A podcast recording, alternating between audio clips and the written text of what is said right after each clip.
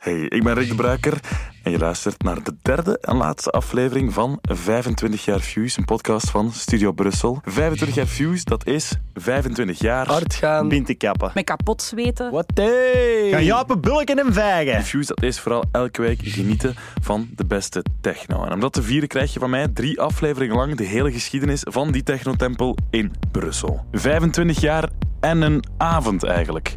Want we gingen eens kijken achter de deks, maar vooral ook achter de schermen, hoe het eraan toe gaat in zo'n avond Fuse.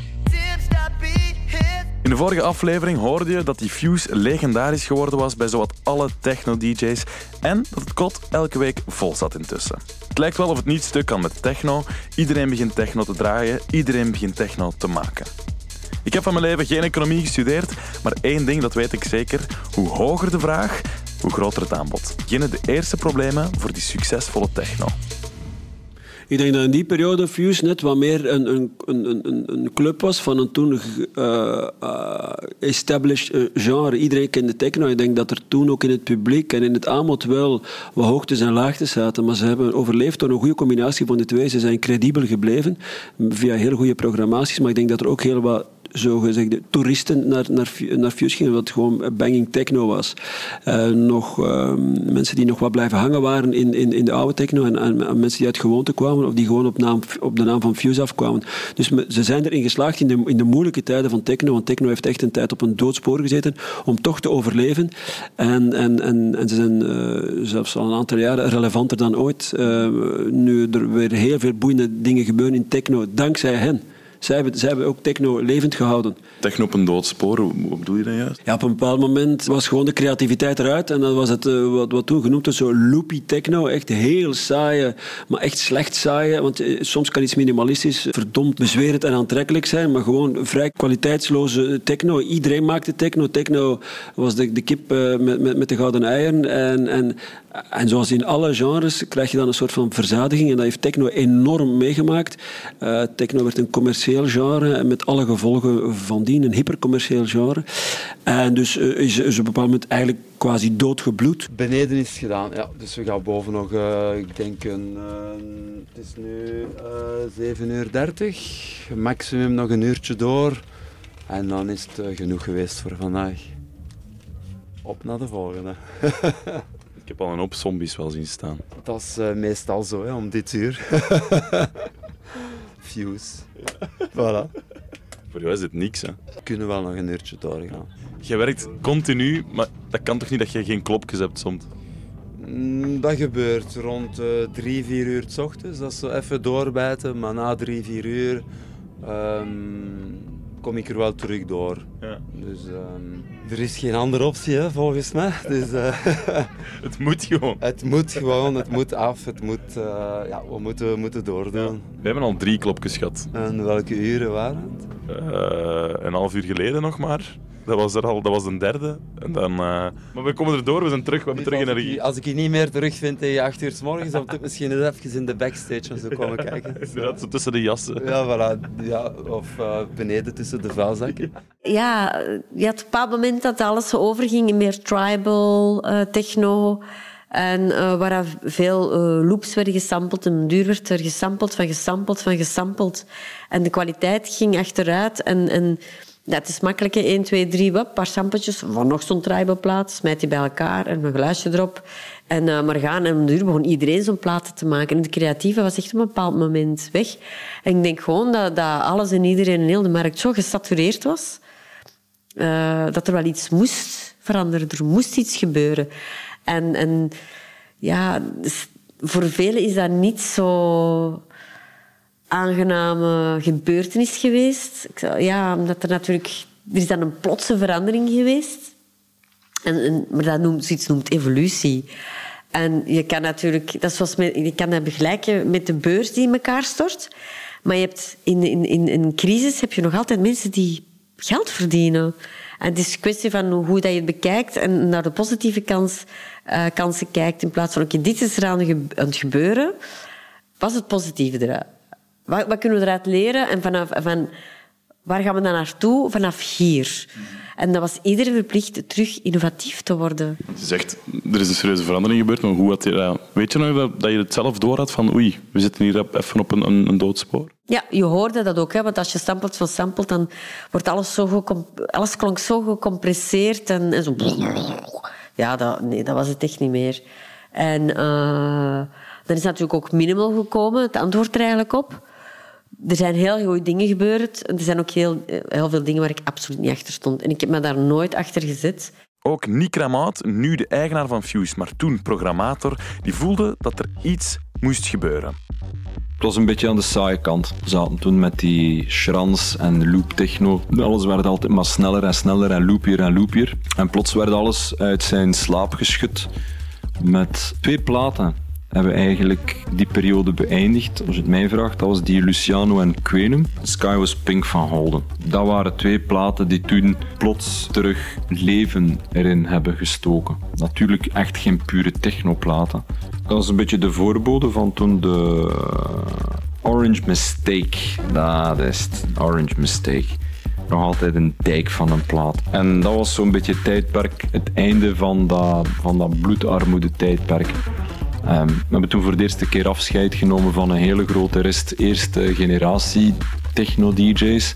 Ik zou ook zeggen dat dat de periode is dat alles zich echt wel beginnen professionaliseren is. Dat moest een beetje door een dal. Ik denk dat er veel ook dachten dat het toen op zijn einde zat. Maar ja, het was minder evident toen. We hebben toch altijd een aantal sterkhouders gehad. De Daves, de Technasia's, de Monica Cruzen, de DJ Hells. eh, die altijd de club blijven ondersteunen zijn en dat je toch ook minder goede periodes mee kan overbruggen. Ook voor Jeroen de Lodder, al jaren de man achter de beats bij Studio Brussel, voelde dat er iets niet klopte. Ondanks de minimal, die terug interessante platen opleverde, was die techno niet meteen het genre waar het aan het gebeuren was. En hij voelde het toch weer, en heel erg hard zelfs, toen het plots allemaal weer in een plooi viel. Of ja, in de plooi gestampt werd door ene Len Faki. De eye-opener was dat techno, harde, stevige, rechtdoor techno terug was. Was op 10 Days Off rond 2010, denk ik. Toen was Len Faki daar. En die man bracht zo'n primitieve kracht, echt weinig meer dan een kick en een hi-hat. En wat effectjes, maar echt niks van melodie, niks van ehm, hooks, niks van vocals, echt puur primitief, bam, techno. En die vooruit op 10 Days Off, die ging open en die ontplofte. En Faki is natuurlijk een meester in omhoog gaan en naar beneden gaan en van climax naar climax. En toch ondertussen stevig die drive eronder houden. En toen dacht ik van wow, ja, ja, techno, we kunnen terug x jaar verder met de pure primitieve techno zoals, zoals die ja, in het begin ook was.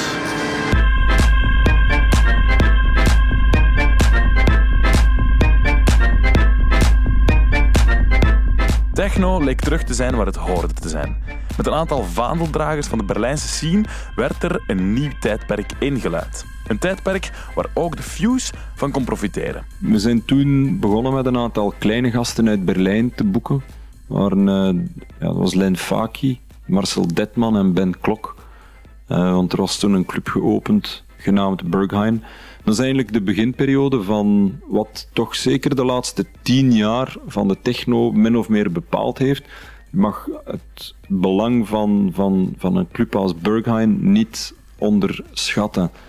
Het heeft veel favors gedaan voor techno, want als Amerikaanse media plots Berghain gaan oppikken en mensen gaan plots techno in het nieuws horen, dan word je vanuit de obscuriteit plots naar een credibel genre getild.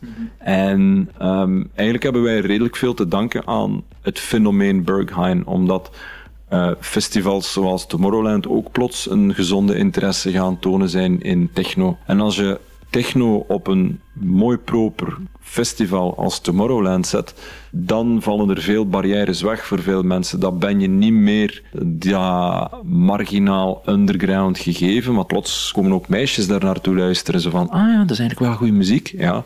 Dus Berghain, eh, de laatste tien jaar, heeft voor ons eh, echt wel... ehm, een enorme impact gehad. Uh, omdat die, die Berlijnse motor heeft er toch voor gezorgd dat techno nu echt wel een, een, een business geworden is.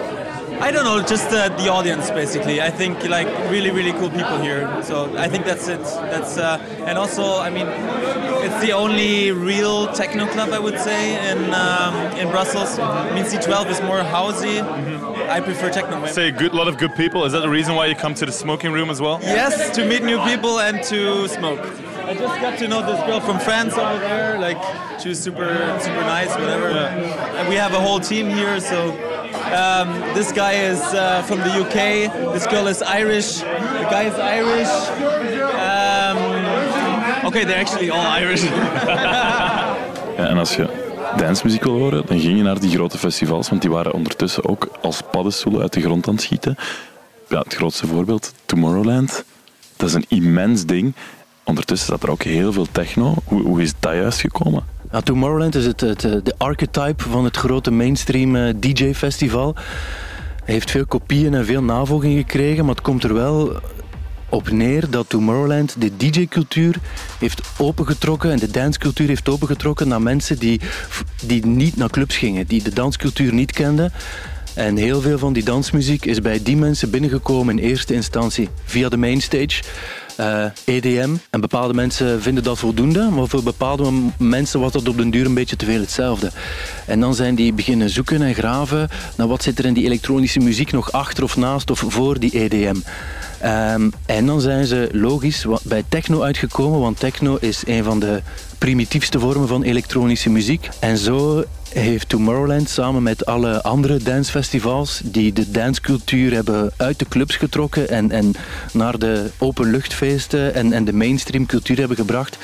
Zo hebben die festivals er toch voor gezorgd ook dat, dat heel wat mensen zijn beginnen zoeken en, en vinden. En, en die dan zijn bij, bij, bij techno uitgekomen. En sindsdien zijn er weer veel meer technofans. Die techno die is hard aan het gaan. Je merkt dat waarschijnlijk ook in jouw radioshows. Zijn er meer techno-dj's momenteel? Is er meer techno die geproduceerd wordt?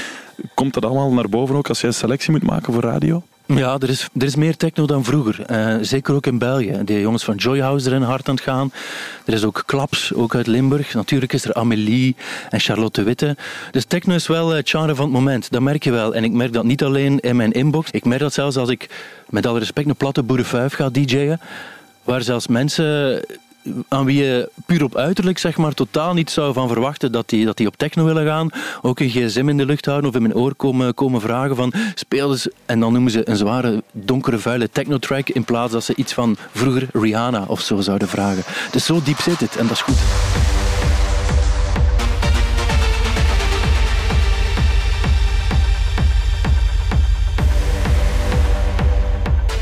Om te weten of je club het goed doet, is het belangrijk om te weten hoe het eraan toe gaat op die dansvloer. Want ja, daar gebeurt het uiteindelijk allemaal. Dus als je in de fuse komt, dan kan het heel erg goed zijn dat er in het midden van de avond plots een kalende veertiger naast je staat, intens aan het observeren en aan het loeren naar die dansende massa. Wel, die veertiger, dat is Nick Ramout, de eigenaar van Fuse. Ik loop rond en ik luister. Ik vind dat je, als je ergens een minuut of tien stilstaat, ofwel in het toilet, aan de vestiaire of aan de bar, en je hoort mensen praten, kan je de helft van de keren wel iets opvangen waar dat je iets uit kan leren. Zeker in het toilet. Wat voor dingen zijn dat dan? Mensen die iets goed zeggen over de avond, mensen die iets slecht zeggen eh, over de avond, over de club.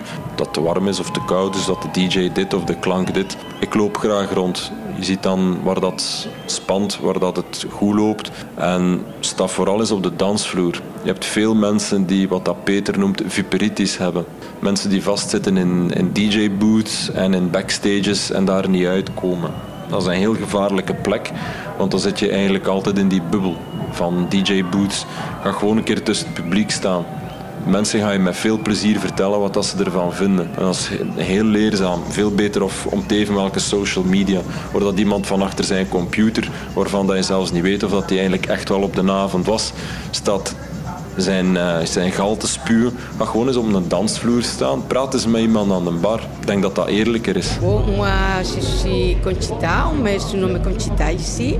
Euh, mon nom, c'est Concepción. Bon, c'est Conchita. Et je travaille depuis 16 ans. Et je fais Madame Pipi. Voilà, Madame Pipi, Madame Caca, tout ce que vous voulez.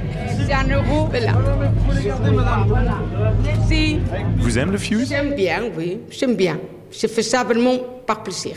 Et pour la musique?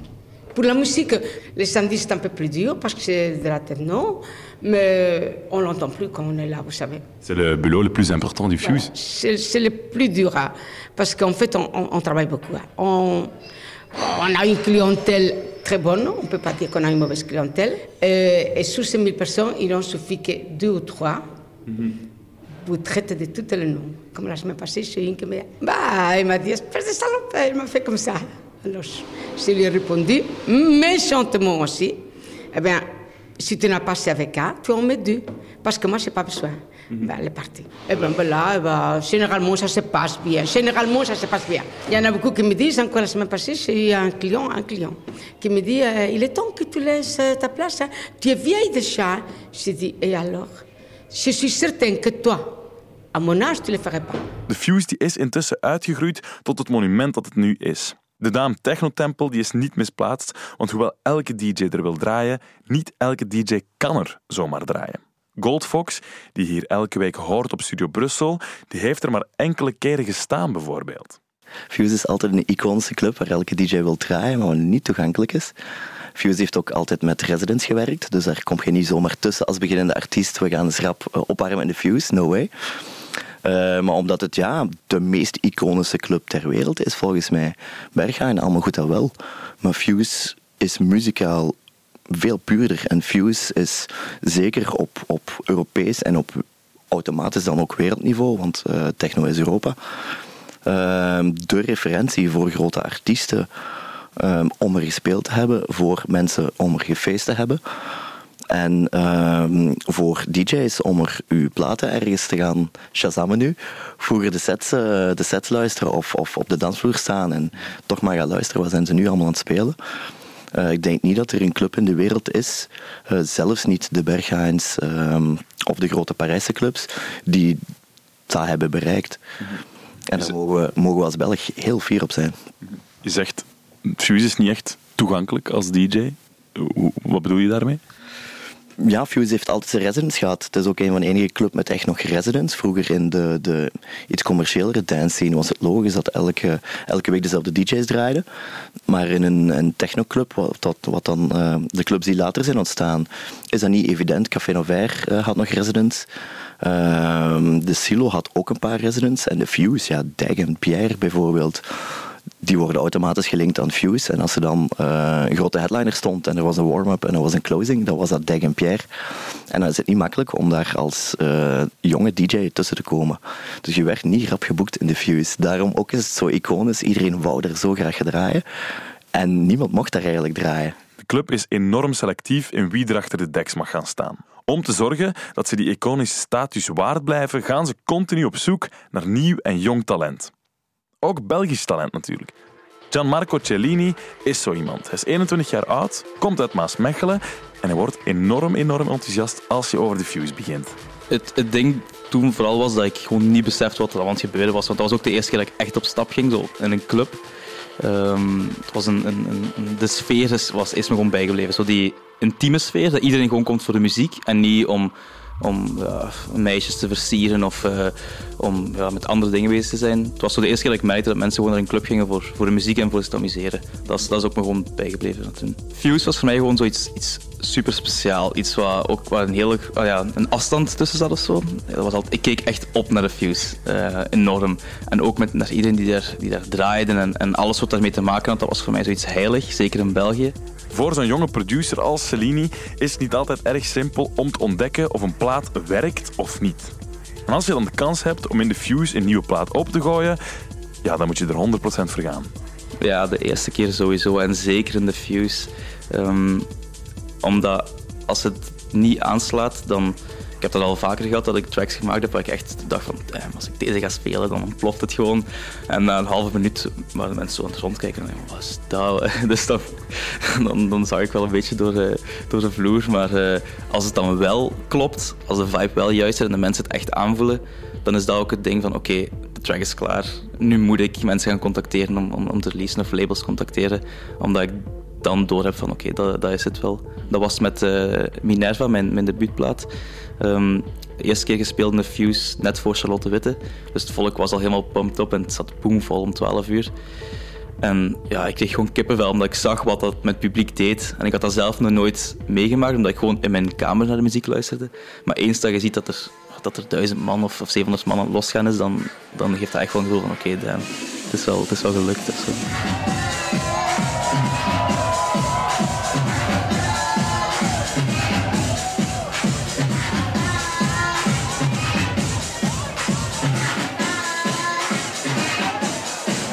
Zijn heel andere portiers dan veel andere clubs, ik het zo zeggen. Wij zijn heel rustig en eh, allee, als het niet nodig is, ik vind 99% van de gevallen kun je zo oplossen. Dus ik zeg niet, doe dat een paar keer in een maand. Maar ik vind het zijn veel mensen, zelfs de klanten weten ook niet dat ik, dat ik uh, zaakvoerder ben. Uh, dus dat is misschien ook het leuke eraan. Je hebt dan nog hier en daar wat verhalen of zo. Mm -hmm. Of mensen... Uh, ze zijn wel heel creatief voor binnen te komen ook. Op welke manier? Maar de beste dat ik had, vond ik toch... Uh, er was één die zei ja, dat hij de zoon was van de Maas. Ik zei, ja. Ik zei, de mijn is dat is niet. Ik zei, en Nick de zijn. Ik zei, ik weet het niet. Ik zei, ik denk dat hij een beetje toot was ervoor. Maar bon, ik vond het zo'n goeie het top binnengelaten voor iets. ik vind, dat moet dat dan... Uh, ja, ja, zo nemen. Ja. Als er één naam is in de Belgische techno waar de hele wereld het over heeft, dan is het wel Charlotte de Witte. Ook voor haar is die Fuse niet zomaar een club. Um, mijn eerste keer als bezoeker was ook de eerste keer als DJ. En dat was op een feestje genaamd um, We Are the Future, als ik me niet vergis. Um, ja, ik moet maken dat ik het juist heb. Ja, en die, dat was zelf nog als Raving George toen. En dat was, uh, ik mocht daar toen afsluiten ook, als ik me niet vergis. Dus ja, als Raving George, dat was drie, vier jaar geleden moet dat geweest. Nee, langer, vijf jaar, zes jaar geleden. Um, ja, voilà. Zes jaar geleden denk ik, mijn eerste keer Fuse. En wat was je toen? Uh, toen zal ik twintig geweest zijn. Dat is eigenlijk vrij laat. Um, maar ik ben ook vrij vroeg beginnen draaien. En ik was altijd zo in, in mijn weekend ergens aan het, aan het rondjollen. Dus um, ik heb best al lang moeten wachten tot als Fuse mij een kans gaf om er te draaien. Um, maar het is dan toch gebeurd. Je was er nooit geweest als bezoeker? Uh, nee, nee, eigenlijk niet. Nee, altijd wel willen gaan. Maar ja, ik zei het, ik moest altijd vaak zo van die lokale jeugdhuizen hier en daar draaien. En daar is er zo nooit niet van gekomen. En ja, eigenlijk raar. Want ik heb nog zelfs redelijk wat clubs afgedaan vroeger. Dat was waarschijnlijk best wel een ding om in de Fuse te gaan draaien, toch? Ja, sowieso. Ja, in België is dat... Allee, je hebt heel veel goede clubs in België, maar Fuse is denk ik toch wel het instituut dat al ja, 25 jaar bestaat ondertussen. Dus uh, ja, om daar als uh, klein meisje te mogen gaan draaien, was dat wel ja, zalig. Hè?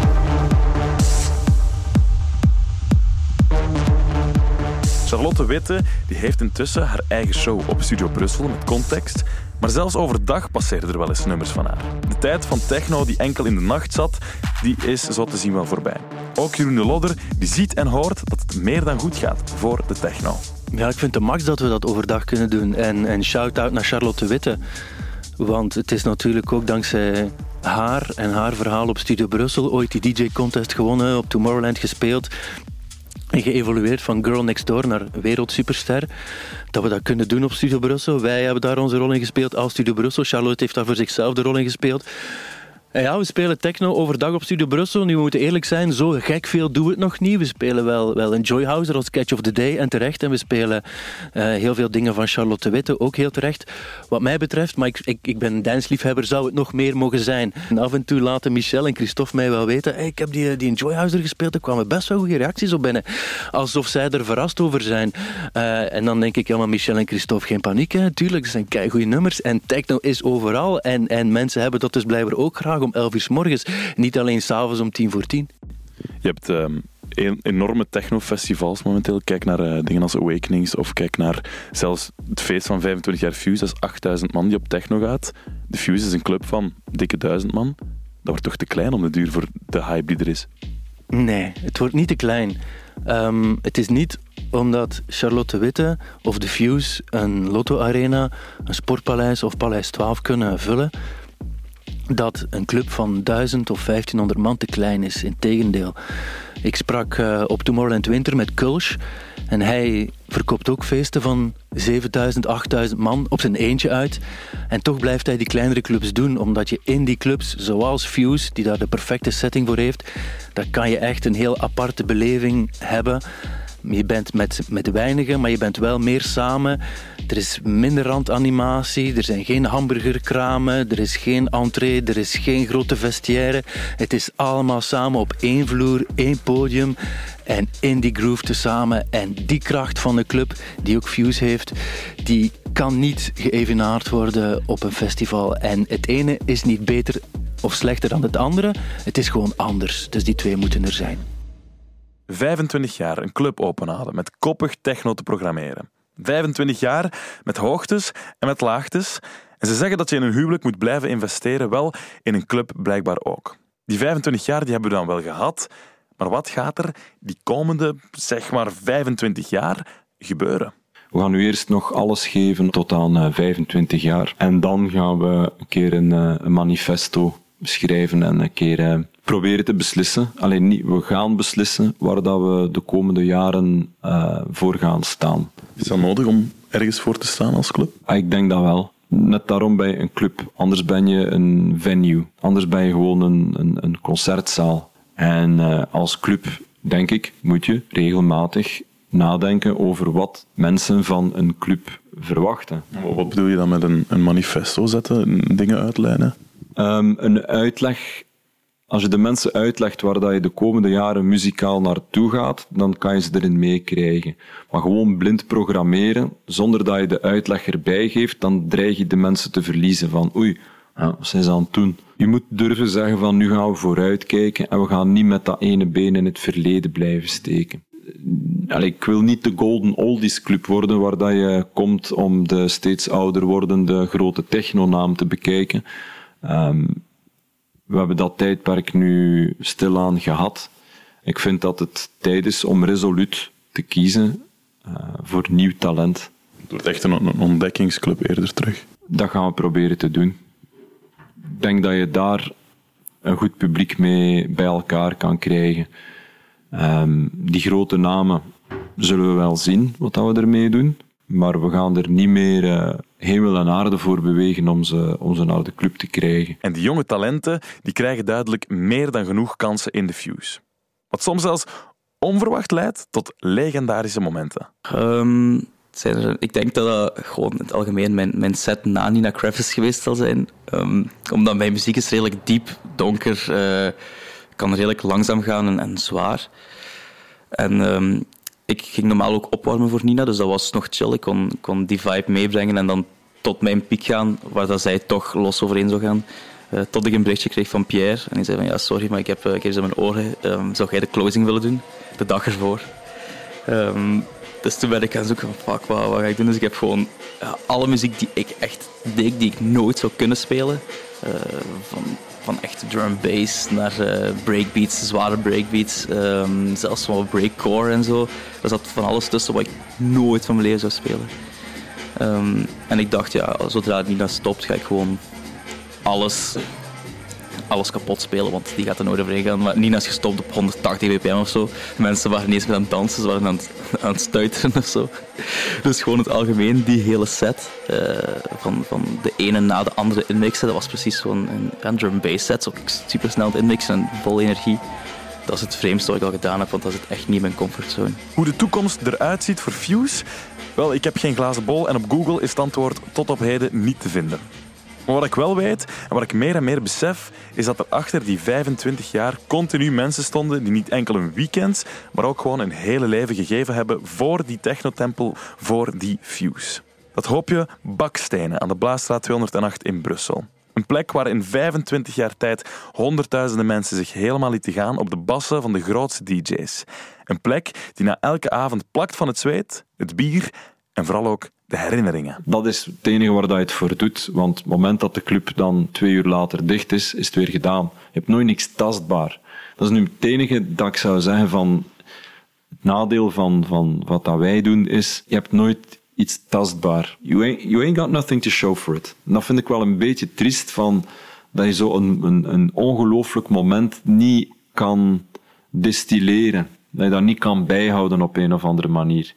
Ja, dat is, dat is, dat is dubbel. Dat vind ik eh, het, het jammer eraan. You, you, you ain't got nothing to show for it.